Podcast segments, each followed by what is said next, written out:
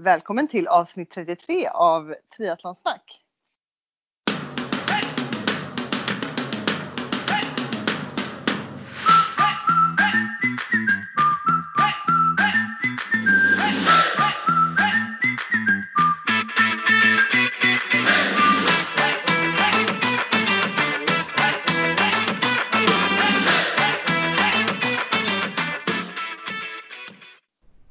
Med dig Therese Canelli och med mig Sofia Häger. Där bytte vi lite roll. Grymt bra! Hur är läget Therese? Det är fint, hur är det med dig? Det är bra, solen skiner.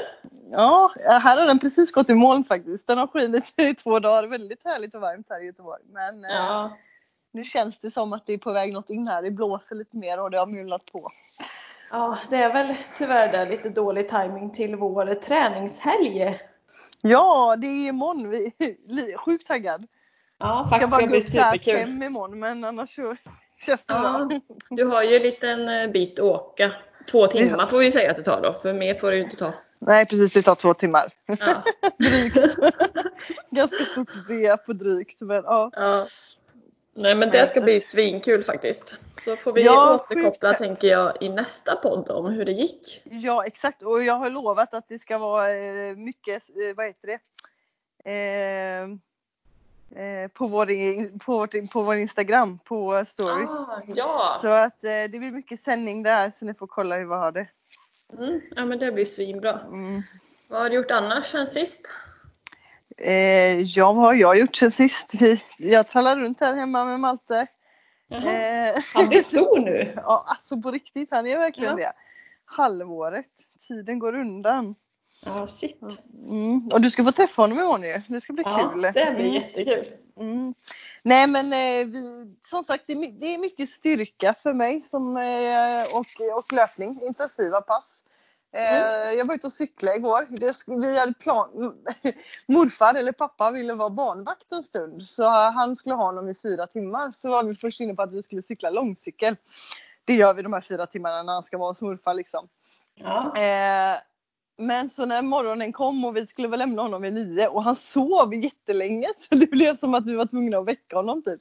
Och vi var liksom inte, ja, det var, blev lite så här halvt stressigt och så skulle vi iväg och träffa några klockan ett och så så det slutade med att vi eh, eh, sket i att cykla och gjorde massa ärenden istället passade på att göra grejer när, eh, när vi var barnfria. Åkte och shoppa och handlade lite grejer till oss själva och var och kollade på sten till trädgården. Och, eh, och sen eh, åkte vi till stranden och hade hämtat Malte och eh, åt lunch där med ett par kompisar och hängde. Det var väldigt härligt. Men så cyklade jag hem därifrån så jag fick egen cykel.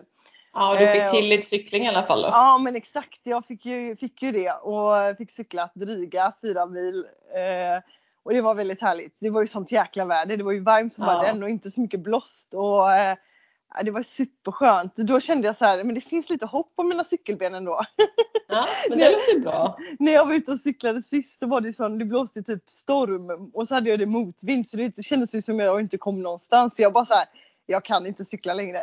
Det här är ju Det är det som är härligt om man cyklar liksom från punkt A till B och råkar på medvind. Ja men exakt. Jag var Då är det ju underbart. Nej det var väldigt härligt i alla fall och det gick, eh, gick jättebra. Man kan ju inte tycka annat än härligt när det liksom är typ 20 grader varmt och jättevackert överallt man kollar typ. Nej, precis. Så, så det var skönt. Och med tanke på att Malte ska med helgen då så blir det ju inte så mycket cykel för mig tyvärr. Så, eh, så därav så var det härligt att få ändå cykla lite. Du Viktor blir mer ju- liksom coach i helgen. Ja men jag känner lite så. Jag håller två pass ändå och sen blir det att jag får vara typ eh, jag tänker servicebil, man kan ha med sig lite slang och, eh, och energi och pump och så. För, ja, så men det är ju perfekt. Ja. ja. Så det blir jag och Malte, coach Malte och jag åker runt och, och hjälper er helt enkelt. Underbart. På tal om Mm. cykling så var jag i Skara förr, förra helgen blir det nu då. Ja, Visst vi poddade. Eh, Ja. För att min bror eh, hade vigsel. De gifte ja sig. just det ja. Hur var det? Jättefint. Ja. Jättefint och de tajmade in eh, värsta bra dagen. Gud vad fint väder. Mm. Så den förmiddagen cyklade jag och Niklas faktiskt från Skara till Lidköping där jag har bott och tillbaka. Så det var lite så här sightseeing. Och tajmade också så här perfekt väder för dagen efter så var det ju regn. Liksom. Så det är ju verkligen ena dagen fint, andra dagen Ja men, grot. Liksom. mm. men gud vad härligt, så- gud vad mm. gött. Mm. Så solen får man ju verkligen energi av känner jag. Det Ja, men det blir... är ju som, jag sa det, jag har blivit som solskenscyklist nu. Jag kommer bara cykla i fint väder.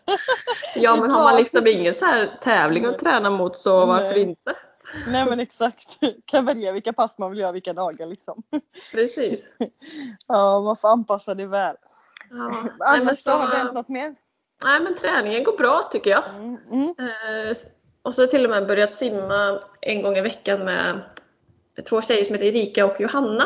De är ju Mm. snäppet, eh, eller mer än ett snäpp eh, vassare än mig Mm. på att simma. Men så jag försöker jaga deras fötter någon timme här varje vecka. Vad roligt. Eh, och det är ju svinkul. De peppar ju på mig som bara den fast jag hamnar långt efter liksom. Så Men gud vad men det är roligt. Det är, väl, det är ju så behövligt. Att få Ja. testa sig lite ibland. Och jag tänkte bara ge ett tips där till alla lyssnare om det är fler som är som mig som brukar simma mycket själva. Att liksom variera även om man är den som är snabbare och drar eller om man är som mig i det här fallet då, långsammare och måste jaga för man sätter ju en annan press på sig själv. Eh, Och också såklart kul att dela passen med andra. Exakt, det gör ju också väldigt mycket om få träna med någon. Trots att det typ är simning när man är så jävla osocial egentligen. Man kan Ja. inte prata, man ligger i vattnet under ytan. Men ändå är det något visst med att liksom vara, gå dit med någon än att göra det ensam. det Ja, ju man, konstigt. man liksom lovar ju varandra liksom Ja. på något sätt att Ja, utföra exakt. passet. Så. Ja, men precis. Nej men så jag har väl inte så mycket mer än det att berätta Nej. tror jag inte. Det rullar Nej. på. Ser fram emot imorgon. Ja, exakt. Det ska bli så roligt. Mm. Vi är pepp. Och ser fram emot dagens intervju. Eller avsnittets intervju. Ja, precis. Ska vi hoppa in i dagens avsnitt kanske? ja det tycker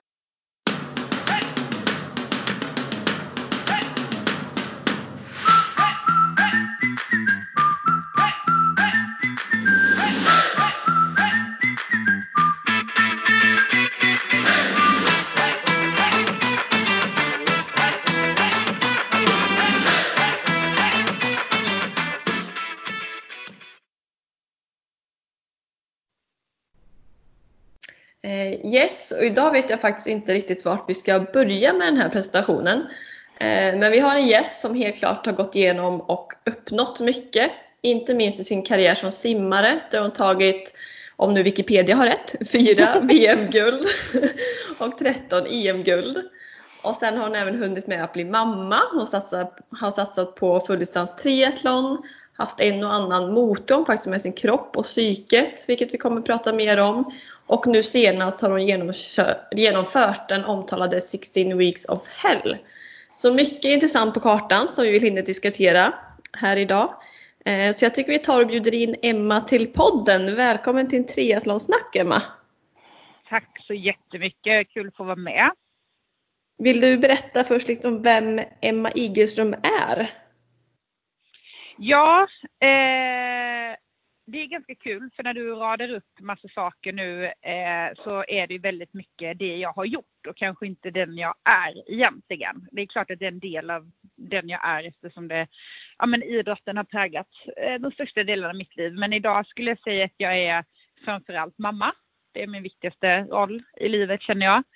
Eh, men också en eh, ja, men så här sjukt lustdriven person, motivationsdriven person eh, som eh, gillar utmaningar av olika slag, både på privata, liksom privatlivet men också eh, i arbetslivet och såklart i idrotts eller träningslivet. Vill du berätta lite ålder, vart du bor och livssituation och så just nu? Ja, eh, jag är ju då nästan nyss fyllda 40 Uh. Eh, det var ju bara några veckor sedan. Ja, det känns så sjukt gammalt. Jag, alltså det är bara för att jag kommer ihåg så här, min pappas 40-årsdag och jag kommer ihåg att jag tyckte att han var så gammal och så känner jag mig inte alls som jag tyckte att han var då. Eh, så att jag eh, bor i eh, Kungsbacka utanför Göteborg eh, tillsammans med min sambo eh, och eh, min dotter Olivia som är 13 år som jag eh, har eh, ja men typ 50-50 med sin pappa. Just nu är hon faktiskt lite mer här för att vi bor lite närmare simhallen där hon spenderar väldigt mycket tid. För vi ser, ni flyttade ganska nyligen dit va? Eller till Kungsbacka stad? Ja, det gjorde. Mm. vi och eh, vi bodde ju ute ja, utanför Kungsbacka rätt långt vid havet innan. Ja men precis. Och anledningen till att vi flyttade in till eh, närmare stan var just faktiskt att komma närmare simhallen eh, för att eh, Olivia simmar, hon simmar många gånger i veckan, hon simmar innan skolan och sådär och det var en, en logistik som jag kände att varken vi, men framförallt eh, Olivia, liksom hade råd med i form av tid och återhämtning. Så att, eh, det var den fasen i livet när man ville göra det så smidigt som möjligt för henne. Men brinner hon lika mycket för simningen som du? Har hon...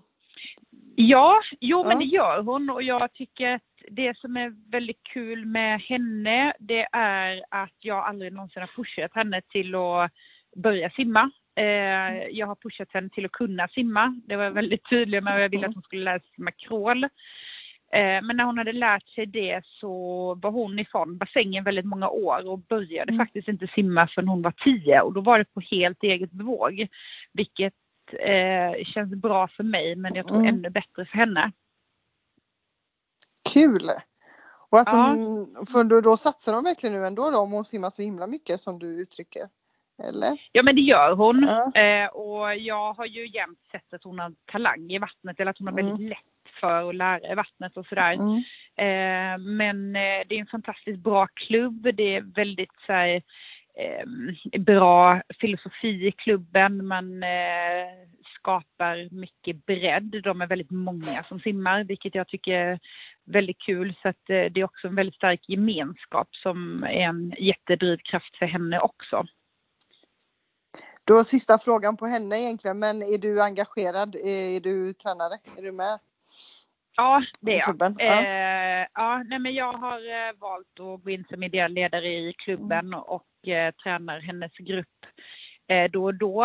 Eh, Jag har inget fast pass längre faktiskt i veckan det har jag haft och jag har väl känt kanske lite grann, även om inte Olivia uttrycker det så, att det är lite dags att ta ett eh, kliv tillbaka och låta det bli hennes idrott eh, totalt. Men jag tycker det är väldigt kul att liksom vara involverad på olika sätt i klubben. Jag sitter i styrelsen också och varit involverad i vårt härliga simhallsprojekt som nu för bara Ja, så fint det är. Ja. Ja, men Ja. alltså det är ju en fantastisk mötesplats Mm, för hela mm. Kungsbacka kommun men 50 Mm. inomhus. ja, och så ljusinsläppet där ska jag säga då som har varit där och simmat en gång. Men gud vad fint det var. Ja, det är verkligen fint och det är viktigt för eh, klubben såklart men också Mm. tror jag för eh, simkunnigheten i kommunen. Det är helt andra förutsättningar nu än vad det var tidigare. Mm, ja, kul. Men eh, vi ska hoppa över till dig, tycker jag. Men Mm. eh, som elitsimmare som, som du är eller var, hur kom du in på triathlon? Varför började Eh, du med det? ja. Mm. Nej, men jag tror att jag kom in en ganska vanlig väg som jag tror många triatleter eller hobbytriatleter har gjort eh, eh, via klassikern. Jag körde en svensk klassiker eh, där jag för första gången fick testa på landsvägscykling och första gången springa lite längre och simma upp ett vatten. Även om jag har simmat mycket så har det bara varit bassäng tidigare. Mm. Ehm, så att eh, på den vägen var det faktiskt att jag valde att testa triathlon sen efter det. Och du lyckades ju ganska så direkt, skulle jag vilja säga, kvala in till Hawaii. Hur var hela den resan tycker du? Eh, ja, alltså det var fantastiskt. Alltså, jag tycker ju lika... ehm, jag har alltid varit en person, även när jag var i simningen, som varit väldigt driven av processen mot det stora målet. Att så här, sätta upp ett mål eh, och så njuter jag minst lika mycket av vägen dit. Jag tyckte att det var en väldigt så här, häftig resa, många synvinklar, kanske mest för att jag ehm, har tagit mina, det är faktiskt fem eh, VM-guld. Ehm, Ah, ja, du får jättegärna rätta mig. ja, nej men det är fara. Nej men så här, jag har ju varit, tagit mina största framgångar, eller skördat mina största framgångar på en extrem kortdistans.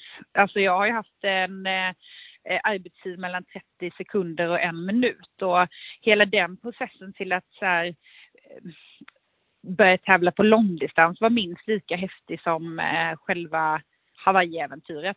Som också var ett sjukt häftigt äventyr som jag alltid kommer komma ihåg. Liksom. Men känner Eh, du att det är stor skillnad liksom hur, i hur du det är klart att det är skillnad, men i hur du tränade för när du var elitsimmare som kortdistans då mot triathlon? Känner du att det ena var tuffare ja. än det andra på något sätt? Om du förstår? Ja, alltså det som är likheten det är ju alla de här timmarna. Eh, för även om man är sprinter i simning så tävlar, tränar man ju väldigt många timmar om du kanske jämför med att vara sprinter i mm. löpning eller något liknande. Då är det mycket mer explosivt. Eh, skillnaden är ju såklart att det är tre grenar. Eh, och sen är ju, kan jag inte riktigt jämföra Alltså jag var ju fulltidsproffs i simning vilket innebar extremt hård träning. Det var mycket mjölksyraträning och mycket liksom hård träning medan eh, pusslet i triathlon för mig som för många andra var att få ihop eh, liksom träningen med alla de andra sakerna i livet som man har med jobb och familj och sådär. Mm. Du har även skrivit en bok om din kamp mot eh, bulimi eh, mm. som du fick under din simkarriär. Hur tog du dig ur ja. den och fick du någon hjälp? Eh, ja, eh, jag fick mm. hjälp. Mm. Eh, jag var på ehm, ja, jag, jag, fick behandling, liksom professionell behandling. Den första behandlingen lyckades inte alls. Jag kände mig inte alls bekväm i den behandlingsmetoden. Jag Eh, var på ett behandlingshem med väldigt mycket svårt eh, anorektiska personer och jag kunde inte riktigt identifiera mig och kanske inte riktigt vara mottaglig heller. Mm. Eh, så att det gick en liten tid däremellan eh, tills jag kom till ett annat eh, behandlingshem där jag gick eh, i eh, många veckor eh, dagvård där man var där varje dag måndag till fredag och så fick man hemläxa över helgen och så höll man på sådär i flera månader. Och eh, där kände jag att liksom, den friska resan började någonstans. Men sen är det klart att det var eh, eh, och ja, att det var ett hårt jobb man själv fick göra efter för att hitta sina egna strategier för att komma ur det. Skulle du säga att du är helt frisk från ätstörningar och eh, den mentala ångest som kommer med det idag? Eh, den mentala mm. ångesten har jag absolut ingenting överhuvudtaget. Mm. Jag har inga problem med, eh, med mat, jag har inte problem med vikt, jag mm. eh, har inte de här liksom eh, tankarna på ångest kring mat. Jag låter inte mat ta upp så stor del av mitt liv längre. Mm. Eh, men om man blir frisk Mm. Eh, jag vågar liksom inte riktigt säga det för att jag tänker att jag vill ändå kunna vara på min vakt resten av mitt liv. Liksom. Mm. Jag vet att det är en sårbarhet jag har precis som att någon har diabetes eller eh, liksom någon annan sjukdom så att jag vet att jag måste så här, ja, men, sköta mig på den biten. Mm. Mm, precis, men det känns ändå som att det är vanligare än man tror med ätstörningar just vid liksom en elitsatsning både hos eh, kvinnor och män. Då man, ligger på, det, man ligger ju alltid på en väldigt fin linje när man vill prestera optimalt. På vad som är för mm. mycket och vad som är för lite och vad som är för mycket press och så vidare. Eh, hur tror du att det liksom grund, grund, grodde i dig? Hur uppkom ätstörningen hos dig? Eh, det, jag, för min del var det en hel massa orsaker. Eh, jag slog ju igenom som väldigt, väldigt ung. Jag var ju 14 år när jag vann mitt första EM-guld. Eh, det är väldigt ungt, speciellt nu när man ser att eh, Oliva är 13 så mm. är det som att hon skulle typ slå sig in om ett år i världseliten. Eh, vilket gjorde att det ganska snabbt ställdes väldigt höga krav. Och precis som du sa Sofia så är ju ett av kraven det är ju att man måste äta för att orka prestera. Men för mig var det också liksom, man kommunicerade till mig som mina jämbördiga landslagskompisar och de var 20-25. Eh, vilket gjorde att jag tolkade på ett helt annat sätt än vad som, som var tanken. Är ni med på vad jag menar? Mm, jag eh, om, man säger till, nej, men om man säger till en 14-15-åring som jag fick höra att så här, du måste gå ner i vikt för att bli bäst i världen eller du måste mm. tajta till dig. Säger man det till en 15-åring så tror jag att det kan uppfattas på ett annat sätt än om man skulle mm. säga det till mig idag. För då hade jag, ja, jag kunnat tror... värdera det och liksom så här, ja men hur ska jag göra? Eh, och kunnat också skilja lite så på eh, personen och eh, prestationen. Precis, jag tror, personligt. jag tror också att när man är 14-15 att då gör man liksom in, inom situationstecken vad som helst för att bli bättre. Eh, och tänker kanske inte så mycket på konsekvenserna eller på annat runt omkring. Nej, så är det. Man mognar i målen som tur mm. är. Vad har du för tips till andra som kan vara i riskzonen då om du tänker till exempel din dotter? Eh, alltså, hur, vad tänker du med riskzonen? Att man känner att man har en problematik eller att man Nej, jag en... tänker mer en tonåring som satsar 100% på en idrott där det är tuffa krav och kanske tränare som sätter ganska hårda press och kanske föräldrar även som sätter press. Ja, för jag, min uppfattning i alla fall i klubben där Olive är och lite grann också hur man eh, pratar kring mat har förändrats väldigt mycket. Också för att när jag var i den åldern så var det lite så här skamligt med eh, olika sorters psykiska besvär eh, med ätstörningar. Man pratade inte så mycket om det, man visste inte riktigt vad det var. Man visste kanske vad så här, anorexia var, men eh, bulimi och andra sorters ätstörningar hade man liksom inte samma information och kunskap om. Och där tror jag att det har skett också liksom en förflyttning bland eh, eh, ledare och tränare idag, där man pratar mycket mer om de här de här eh, ja, bekymren. För det är någonting man gärna skulle önska att det fanns mer kanske utbildning för tränare och coacher i liksom kommunikation mer. och liksom nutrition och så allt sånt. Ja men exakt och det här också nu är jag väldigt, väldigt glad ska jag säga att eh, Olivia har både kvinnliga och manliga ledare. Eh, för att man kan inte, och det har jag ju märkt också när jag varit inne som ledare i, i hennes grupp, att det går inte att bemöta killarna och tjejerna på likadant sätt. Om man nu mm. ska generalisera.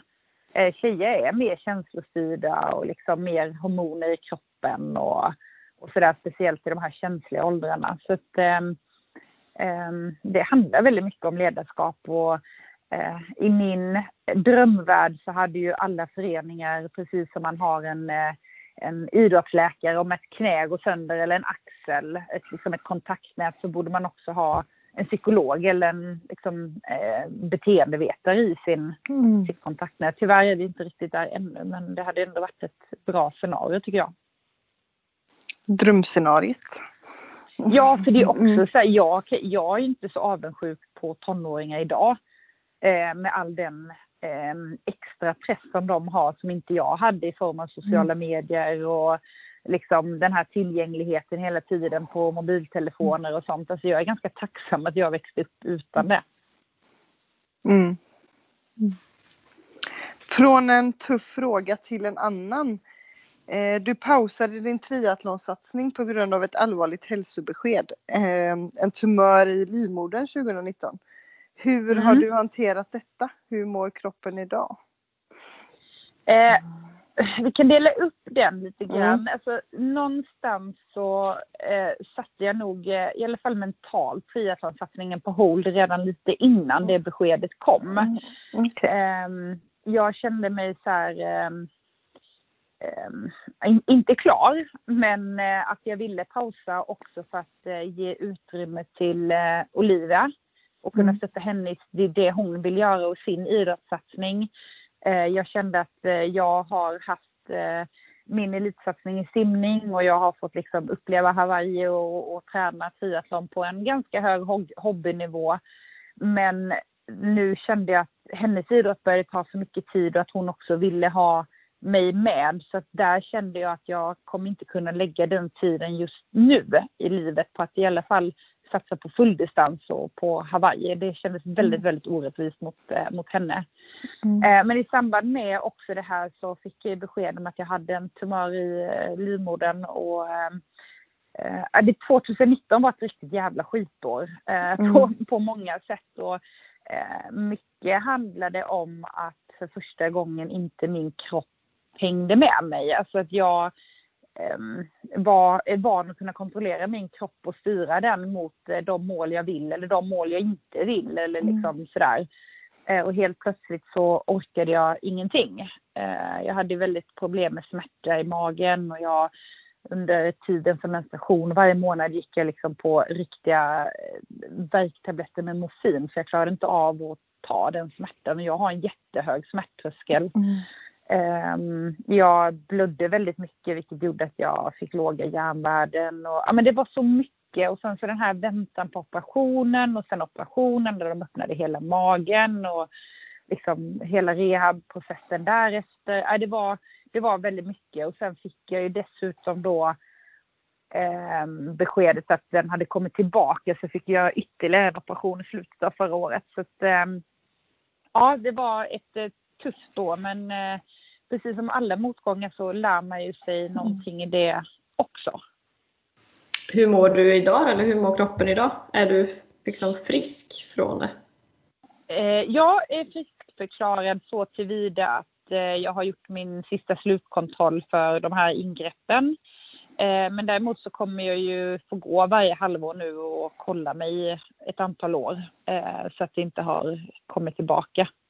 Så det är jag ju väldigt tacksam för såklart att allting verkar ha gått bra. Ja, har du kunnat... Men, ja, fortsätt du. Nej, men alltså just det här att eh, eh, jag är så sjukt tacksam för varje dag idag eh, på ett annat sätt än vad jag var innan det här året. Så det har ju ändå så här, kommit något positivt ur det med och jag är sjukt tacksam att kroppen svarar på träning igen och att jag tycker det är kul att träna igen och att jag känner mig stark och sådär. Ja, jag tänkte fråga om du kunde träna igenom den här resan, om det gav dig energi eller om det bara dränerade dig eller hur, hur var det under den eh, tuffaste tiden? Träna mig igenom gjorde jag inte. Eh, för att jag, min kropp orkade inte och det var en väldig frustration hos mig eftersom jag har alltid använt träningen som ja, men en eh, liksom, ventilation i mitt liv och Um, sådär. Eh, däremot så försökte jag och lovade mig själv att jag så varje dag skulle göra en fysisk aktivitet. Eh, och vissa dagar var det så här, jag går runt kvarteret. Eh, andra dagar så kunde jag ut och jogga och var jättetacksam över det. Och, ehm, jag cyklade lite och efter första operationen så gjorde jag ju faktiskt en halv Ironman i Nice på VM där, dit jag hade kvalat innan hela den här eh, tumörcitusen började.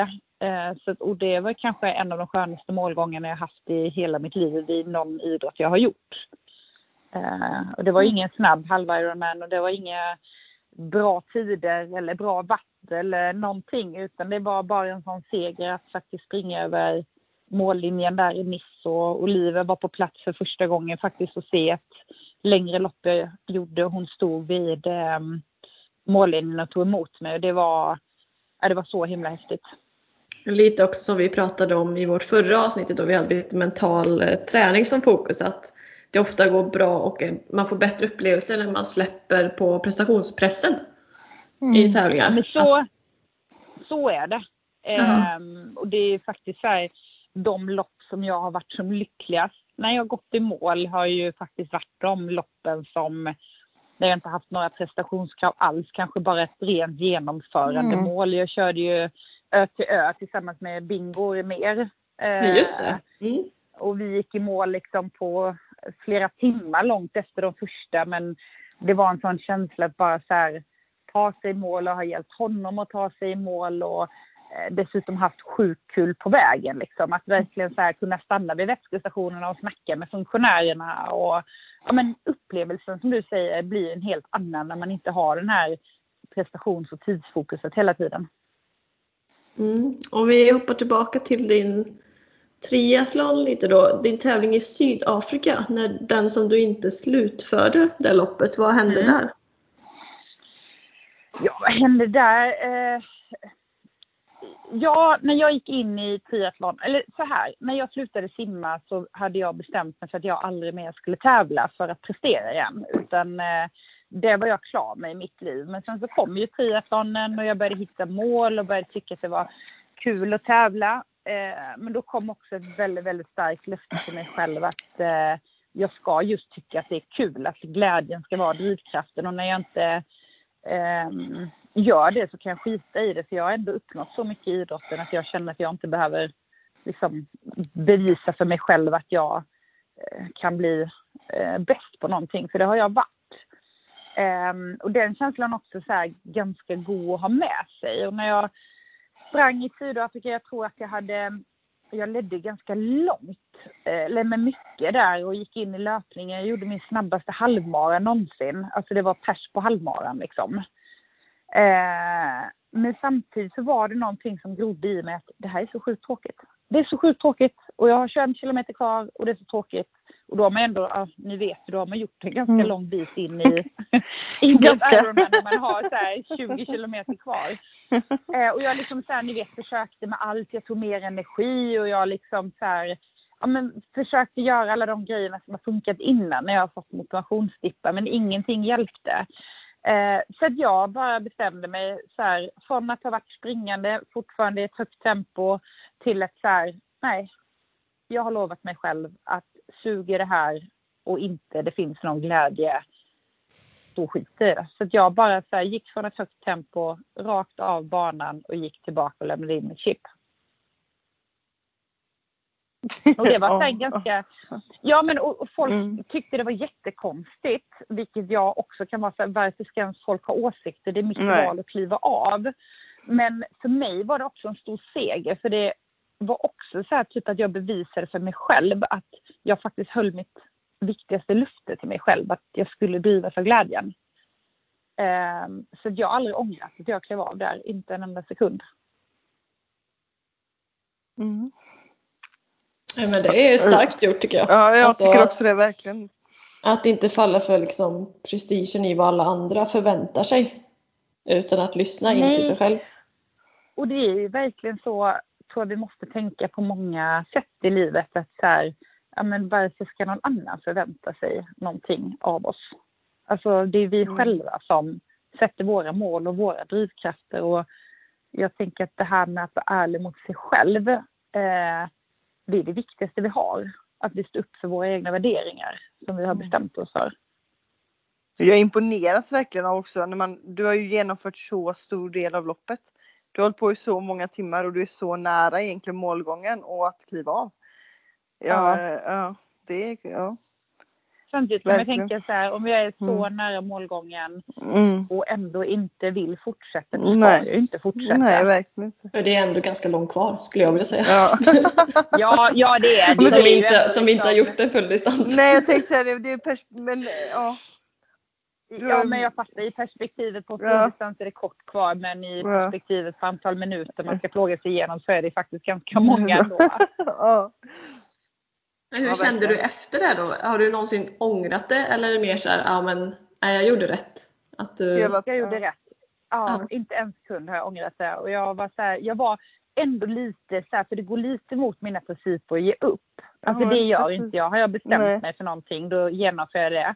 Och då tänkte jag sen när jag lämnade in chippet, så här, shit när ska den här ången komma? Men jag var lika glad dagen efter i alla fall. Ja, det är helt, då har du verkligen gjort som du säger rätt val. Jag lever ja. lite också i den som du, det du säger innan där, att man inte ger upp, man slutför det man har sagt att man ska göra liksom. Att man, ja. Ja. ja. ja riktigt starkt. Men det är också så här till vilket pris. Ja. För det, det jag också tänkte så här, mm. var ju så här att ja, risken nu om jag, för jag visste att jag kunde pressa mig för jag var ju grym. Jag tror aldrig att jag varit i så bra form någon gång faktiskt. Mm.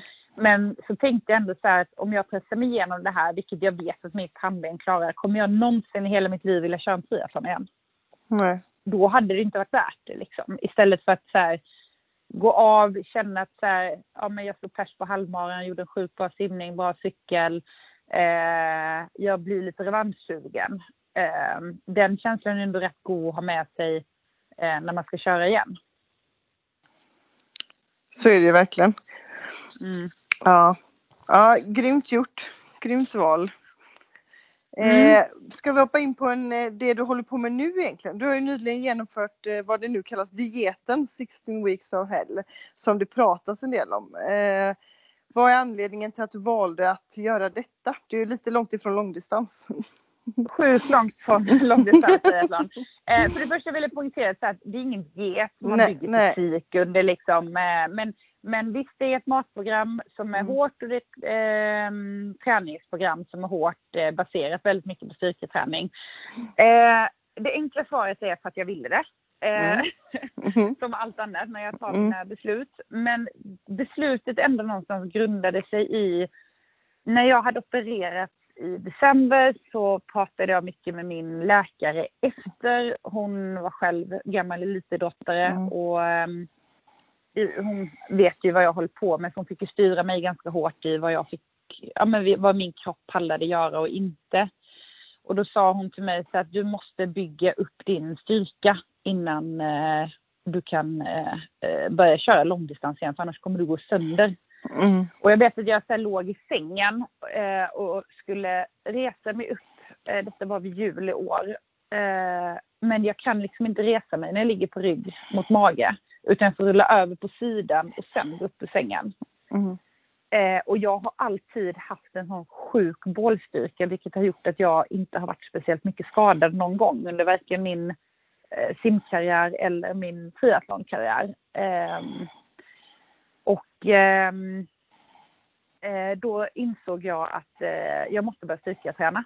Eh, jag hatar styrketräning. Det är det värsta jag vet. Det var det värsta jag vet när jag simmade och det var det värsta jag vet när jag höll på med triathlon. Eh, men någonstans ändå liksom så här lite underkastat mig det för att jag har vetat att det kan hjälpa mig eh, i, i mina karriärer. Eh, och då hade jag några kompisar som hade kört det här programmet och jag kände så här, som den människa jag är, antingen eller människan, att så här, nej men nu fan, nu ska jag lägga fyra månader på bara bygga upp styrketräningen och se hur stark jag kan bli. Så det var liksom mitt mål med hela den här 16 weeks of hell. Det handlade aldrig om liksom, se ut på ett visst sätt, gå ner eller fettprocent eller vad man nu liksom så här, alla de här ryktena som går om det här. Utan Mm. jag bara hade som mål att se hur stark jag kunde bli. Ja, nu vet inte jag exakt hur det här schemat ser ut, men jag antar utifrån vad man hör att det krävs en hel del disciplin för att lyckas följa liksom så strikt schema, både kostmässigt och med promenader och träning och allt vad det är. Eh, och jag tänker Mm. utifrån det, har du några tips du kan ge till andra just det med disciplin som kanske kämpar med att ja, men, äta mer hälsosamt eller eh, träna mer prestationsinriktat men har svårt att hålla, hålla fast vid någonting? Jag tror så här. Eh, jag tänker alltid på skillnaden mellan, mellan att vilja någonting och vara villig att göra det som krävs för att nå dit. Eh, man vill en hel massa saker. Man vill liksom eh, äta mer hälsosamt. Man vill kunna vara en person som sätter mål och håller sig helt dedikerat till det. Men från den viljan måste man också verkligen fråga sig, vill jag göra det som krävs? Och vara ärlig mot sig själv. Och är man inte villig att göra det som krävs, då är det onödigt att ha det som mål. För att då kan man bara misslyckas. Eh, jag tror att många sätter lite så här för hårda och för strikta krav på sig själva. Istället för att bara så här, ehm, ja, men hitta de strategierna som funkar för mig, min vardag, min livssituation. Och så får resten bli bonus liksom. Är ni med på vad jag menar? Att det är så här- mer tänka igenom liksom vad, hur mycket är det värt? Eller vill jag verkligen det Ja, här? mycket är det värt. Exakt. Och det är så här, ja, jag hade gick in med i 16 weeks of hell och gjorde allting till punkt och pricka för att jag hade bestämt mig för det. Eh, och då ger jag inte upp oftast, då får vi väl lägga till efter den här Sydafrika-incidenten. Men det var också, det, även där var ett löfte till mig själv att så här, ja, men, eh, sätter jag min eh, så här, hälsa på spel eller att jag på något sätt skulle komma tillbaka till några dumma tankar kring mat eller tycker jag inte det är kul, då kommer jag hoppa av. Alltså så mycket värt är det inte för mig att se hur stark jag kan bli. Um, men allting så här funkar det jättebra med coachernas hjälp och sådär. Uh, sen är det ingen så här strikt, um, strikt kostschema som jag kommer hålla hela livet liksom, uh, på något sätt. Utan man får ju ta med sig lärdomarna och godbitarna därifrån och liksom applicera mer på uh, ett vanligt hållbart liv. Eh, för det är ju inte fyra månader. Eh, utan det är Men, ju en, Ja. Av ren ja, nej, men en nyfikenhet liksom. liksom. Ja, ja. Får, får jag fråga vad eh, jag har nämligen en annan tjej som också kört detta jättehårt den här 16 weeks of hell. Vi verkar ju ge jätteresultat men hur ser en, liksom, en dag ut Är det styrk... jag, jag har ingen kolla så jag är inte insatt alls. Du får ett matschema, vad äter ni liksom? Vad är, vad är um, filosofin? Hur tänker de bakom? Ja, men, ja, mm. Jo, men alltså, det finns ett grundschema där man mm. är Eh, först är det två till tre veckor, två veckor tror jag att det var i början där det var liksom en inkörningsport där det var mm. eh, periodisk fasta. Man åt mellan mm. klockan 12 och mellan 8 var ätfönstret så då åt mm. man. Och då var det massa olika eh, mat och mellanmål och sådär men det var alla det var både kolhydrater, proteiner och fetter mm. och sådär. Eh, efter det går man in i en dess i fem veckor där man plockar bort väldigt mycket av kolhydraterna. Eh, sen kör man en sån här periodisk fasta igen och så avslutar man med en dess. Eh, men för min del så hände det så sjukt mycket i min kropp och jag gick ner i vikt och jag gick ner i mm. väldigt mycket i fettprocentet. Eh, mm. Mitt kostschema skruvades upp hela tiden så att i slutet så tyckte jag bara så här, shit jag bara äter och äter och äter hela tiden. Eh, du svarar liksom väldigt bra på styrketräningen då kanske, eller vad? ja, jättebra. Alltså jag, fick så här, jag, tänkte, jag vet med mig från simningen att när jag började köra lite hårdare styrketräning så svarade min kropp snabbt. Men jag tänkte mm. att nu är jag 40. Mm. det är ju liksom metabolismen ändras ju. Men eh, det är bara så här, sa pang så bara mm. så här, satte det igång. Eh, och tanken med hela programmet är ju egentligen att man ska äta så mycket som möjligt eh, som man kan göra. Mm. Ehm, så där fick jag med mig väldigt, väldigt mycket. Men hur är det då? Ja. Ja, nej, träningen är också uppbyggd i olika block där man börjar egentligen med ett styrkepass, vila två dagar, sen går man över till två styrkepass, vila en dag, sen blir det tre styrkepass, vila en dag, fyra styrkepass, vila en dag, fem styrkepass, vila en dag. Så i slutet så var det eh, ja, jag skulle säga nästan varje dag två timmar på gymmet och eh, en till en och en halv timmes promenad. Och efter de här 16 veckorna, blir man bara liksom släppt ut i det fria eller får man med sig liksom rekommendationer? Eller så här trappar ja, man tillbaka eller vad? Du får med dig rekommendationer ut och hur, mm. eh, ja, men hur man ska tänka. Sen tänker jag också så här att det är så mycket upp till var och en vad man vill göra eh, liksom, eh, sen. Eh, hur man vill träna och ehm, jag har ju börjat springa igen nu och jag har varit i simhallen och eh, men jag har också varit på gymmet nästan varje dag sedan vi blev utsläppta på grönbete. Eh, för att jag tycker att styrketräning har blivit väldigt, väldigt, väldigt rolig. Så vad är, din, eh, vad är din plan nu närmsta tiden efter det här då? Vad bär du med dig och vad håller du fast vid? Jag håller fast vid mina matrutiner eh, väldigt mycket. Eh, såklart har jag ökat upp intaget eh, lite till för att jag vill inte tappa mer i vikt, snarare kanske gå upp ett par kilo. Eh, men eh, framförallt vill jag känna mig pigg. Alltså jag vill kunna orka det jag vill göra och kunna träna bra. Men jag tycker att här, mattajmingen när man äter vad har varit eh, väldigt nyttig för mig att lära mig. Eh, jag kommer ta med mig att ehm, eh, Sofia, jag måste bara avbryta lite. Tyvärr. Ja. Men jag behöver, du får ta över lite. Jag hör att min son är väldigt, väldigt ledsen. Ja, absolut. Jag kommer kanske tillbaka. Ja. ta över frågorna. Bra. Ja, fortsätt du Emma. Ja. ja eh, nej, men jag kommer också ta med mig att, eh, att kunna njuta vid speciella tillfällen. Alltså, och där är man ju så eh, individuell. Men jag gillar ju väldigt mycket struktur och jag gillar att ha eh, schema. Eh, jag gör verkligen det på riktigt. Men ibland, jag tänker att just med maten är man så olika. Men jag har ju hellre så här att eh, man vet att man ska iväg en lördag. Att jag verkligen så här, men eh, då, då släpper jag maten eh, och så bara njuter jag eh, istället. Det har varit min strategi att så här, en eller två dagar i veckan liksom bara så här, eh, äta vad jag vill och bara njuta av det och sen så att liksom gå tillbaka till strukturen. För jag är ingen person som kan ha en godisskål hemma hela veckan och gå och ta två, tre bitar. Utan när jag äter godis vill jag kunna ha en hel skål att äta. Och därmed så individuellt liksom. Mm, jag kan eh, känna igen mig i det med att ha en hel ja, skål att äta. ja, men för mig är det så här, vadå, två, tre bitar. Jag kommer ihåg att jag delade lägenhet med en tjej när jag simmade. eh, på simgymnasiet och hon var så hon kunde ha en gott och blandat på sig två veckor liksom. Hade jag haft en gott och blandat på sig då hade den åkt i mig direkt. Ja, precis.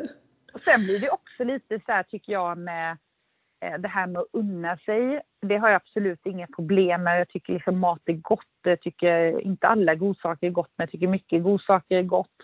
Det blir ju inte heller så gott om man hela tiden äter det.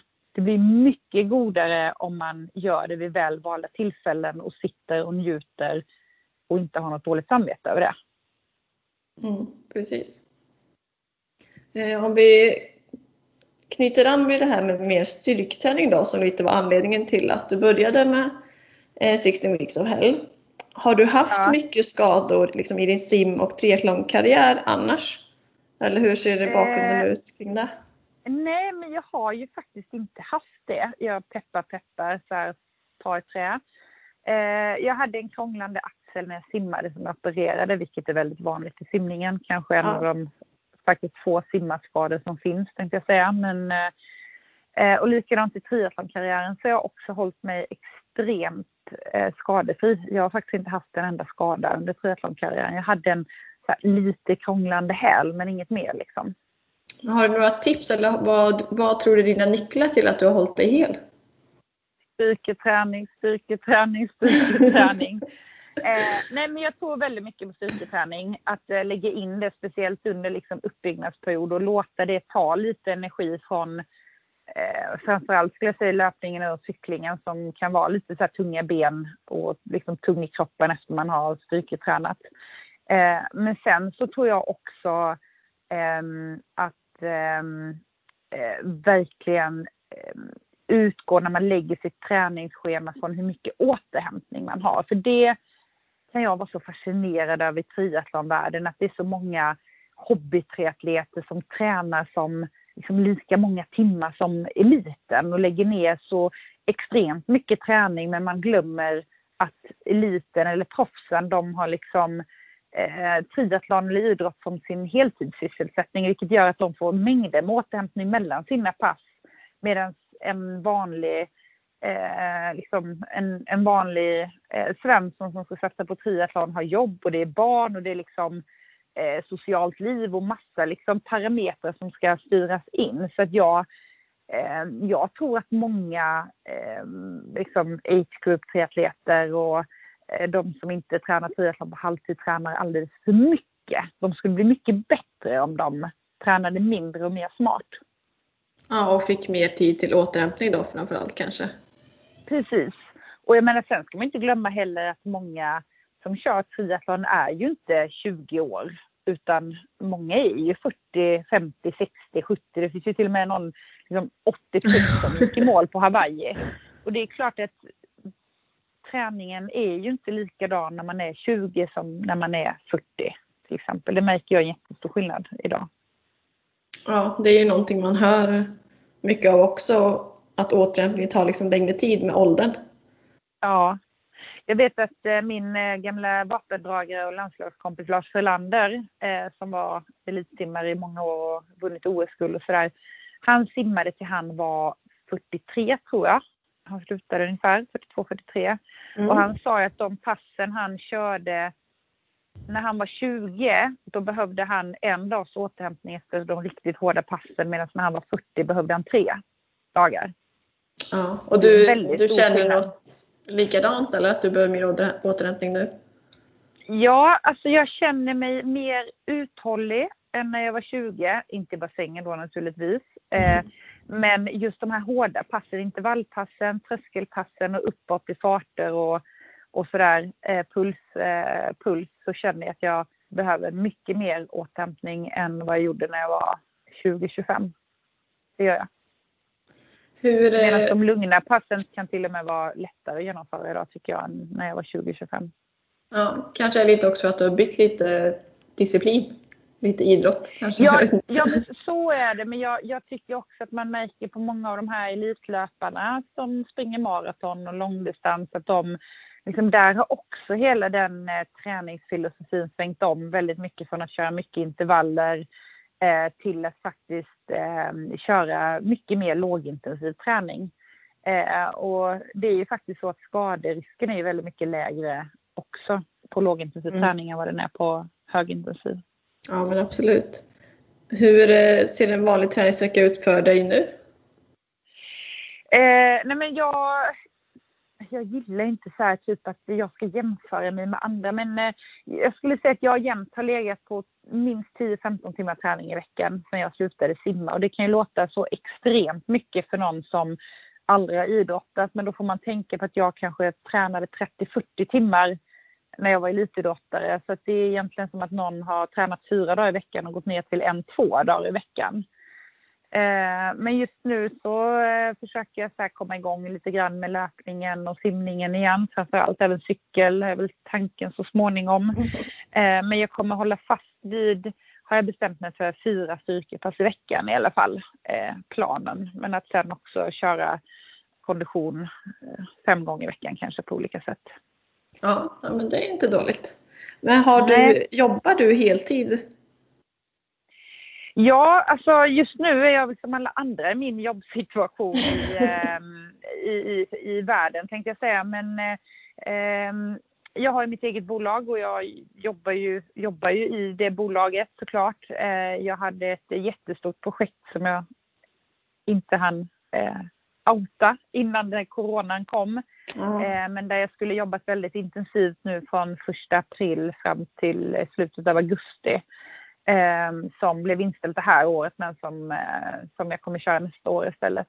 Ehm, så att ehm, eh, just nu så är det lite lugnare vilket också har varit så ganska skönt med 16 weeks of hell. För att det har också blivit någon slags struktur att hålla fast vid i den här konstiga vardagen vi har just nu. Ja, det kanske tajmade ganska bra.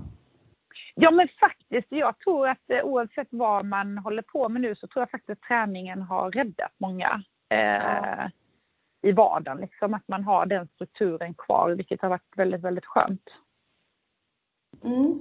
Men sen har jag ju så en liten eh, tanke som ligger och gror. Nu tajmade jag ju det bra den här sommaren eftersom jag inte kommer vara i någon konditionsstark form den här sommaren. Eh, men det är ju fort, nu vet vi inte, men som det ser ut nu är det inte några tävlingar överhuvudtaget. Men eh, Nej, eh, något som lockar mig väldigt mycket nu är terrängtriathlon. Alltså de här okay. extra-tävlingarna. Ja, men det hör man mer och mer om. Ja, och jag fastnade rätt mycket förra sommaren för jag kände när jag var sjuk och sådär så ville, hade jag, blev jag lite så fick jag, jag fick ett litet motstånd just till landsvägscykling för jag hade så mycket att jämföra mig med där. Så jag började cykla en del mountainbike eh, istället och tyckte att det mm. var fantastiskt roligt. Eh, för det var något helt annat och mycket mer strategi och teknik och mycket mer eh, andan i halsgropen och liksom adrenalinpåslag. Så jag hade tyckt att det var ganska kul att eh, faktiskt eh, köra någon extra eh, där man fick testa på just det här med mountainbike och traillöpning istället för eh, landsväg och asfalt. Ja, jag tycker mountainbike ser livsfarligt ut, men det är väl en vanlig sak. Ja, Ja, men det är en vanlig sak och jag tror också så här, jag har blivit väldigt skrämd också av alla de eh, olyckorna eh, och dödsolyckorna som har varit på landsvägscykel nu.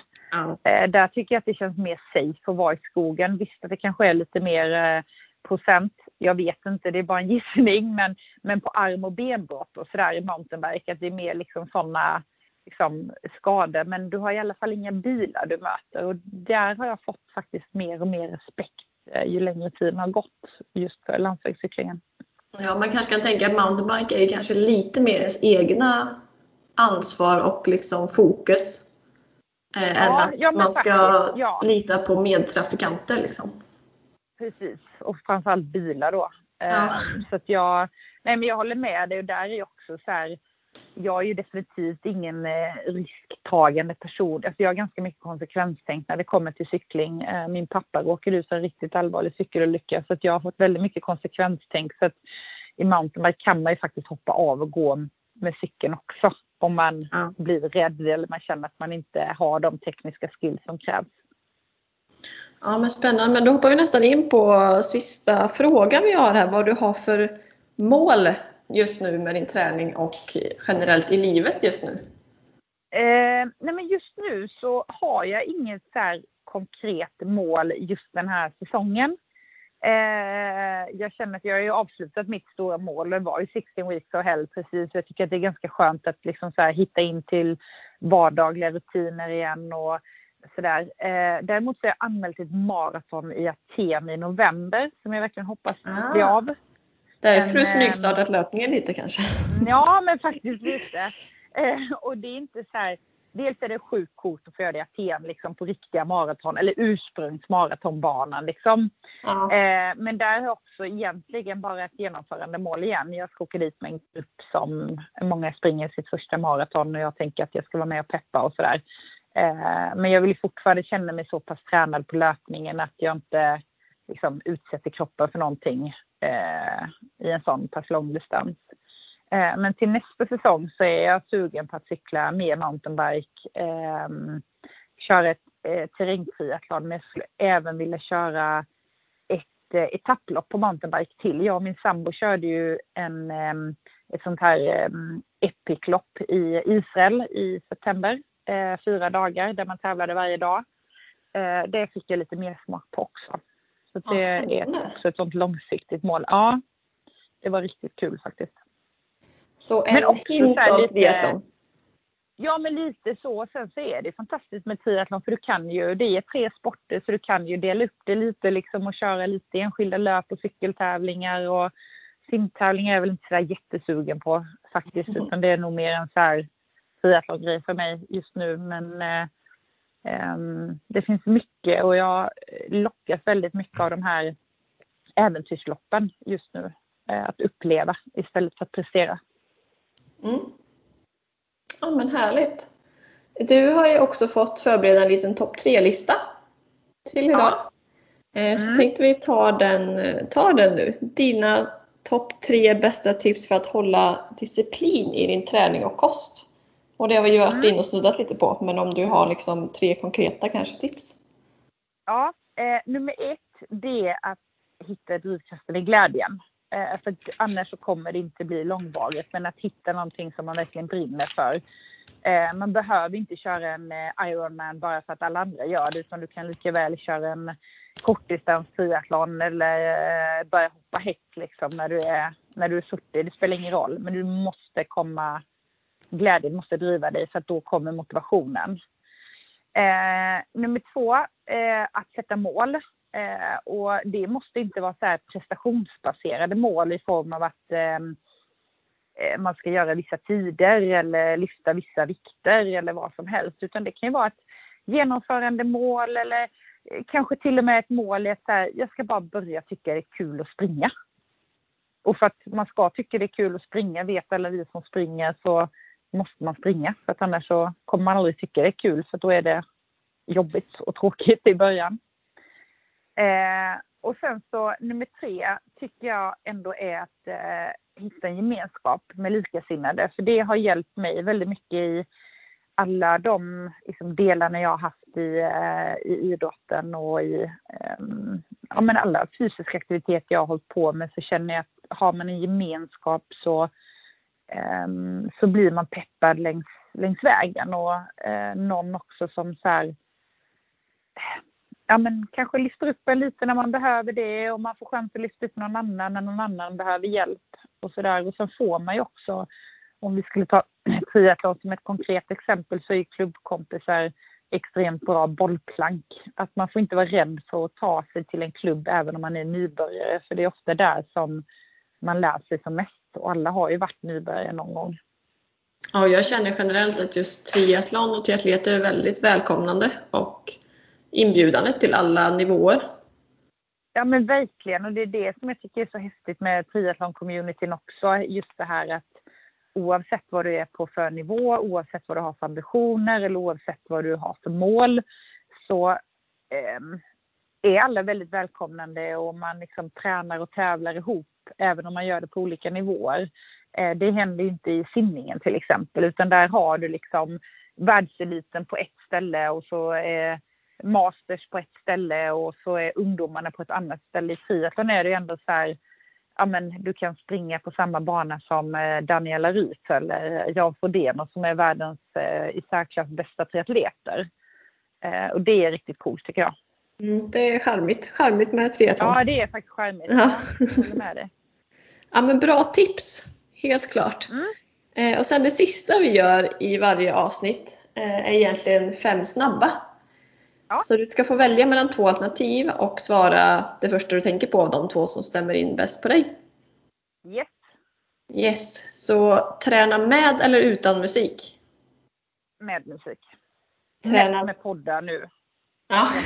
Ja, det gör jag också oftast faktiskt. ja. Eh, träna tidig morgon eller sen kväll? Tidig morgon alla dagar i veckan. Sprint eller olympisk distans? Eh, uff, båda är pain in the ass alltså. Eh, sprint. Skavsår eller håll? Eh, skavsår. Det har jag haft mycket genom simningen så det kan jag ta men håll är jobbigt. Ja. Eh, varma eller kalla förhållanden under tävling? Eh, kalla förhållanden. Ja, spännande. Det var nästan svårast att svara på den här sprint eller olympisk distans. Ja, och jag tycker att så här, ibland, alltså det är ju liksom triathlonens kärna från början på något sätt det här med sprint eller olympisk och jag har haft förmånen att kolla på de bästa, världens bästa sprint och olympiska triatleter och det är ju så sjukt, sjukt hårt. Alltså, jag är så imponerad över de här kortdistanserna att de orkar hålla den höga pulsen och den intensiteten under ja, men liksom så pass lång tid som, som man ändå gör. Ja, det är mycket fart och en viss pannben, verkligen. Ja men du vet killarna springer liksom, ja men tjejerna springer milen på liksom 32-33 minuter i en olympisk, Ja. bästa i världen. Det är helt sjukt. Ja, faktiskt. Ja. Ja, men stort tack Emma. Eh, Tack har du själva. något, något mer du skulle vilja säga till våra lyssnare? De är ju, den största delen av oss är motionär triatleter som lyssnar på den här podden. Nej, inte mer än njut och ha kul. Alltså att inte sätta för hög press eller krav på sig själv och sen vara snälla mot varandra. Eh, det är liksom, eh, ehm, som du säger, alla flesta är motionärstriatleter och Eh, det ska man ju göra för att man tycker att, att det är roligt att inte ha de här prestationskraven eller prestationsångesten någonstans utan bara njuta av att eh, kroppen eh, kroppen och knoppen orkar göra det man vill. Ja, men precis. Ja, men bra tips. Eh, då ska jag bara dra nästa avsnitt som vi har om, kommer ut om två veckor eh, med Joanna Svicka som jag skulle vilja beskriva som en influencer, triatlet och livsnjutare. Så det ska bli jätteintressant att få intervjua henne. Eh, men annars än så så säger vi stort tack Emma. Tack själva och lycka till och vi hoppas att det blir några tävlingar i sommar ändå på sensommaren. Ja precis, sensommaren, hösten kanske i alla fall. Ja, exakt. Ja men härligt, då får vi säga hej då allihopa. Hej då!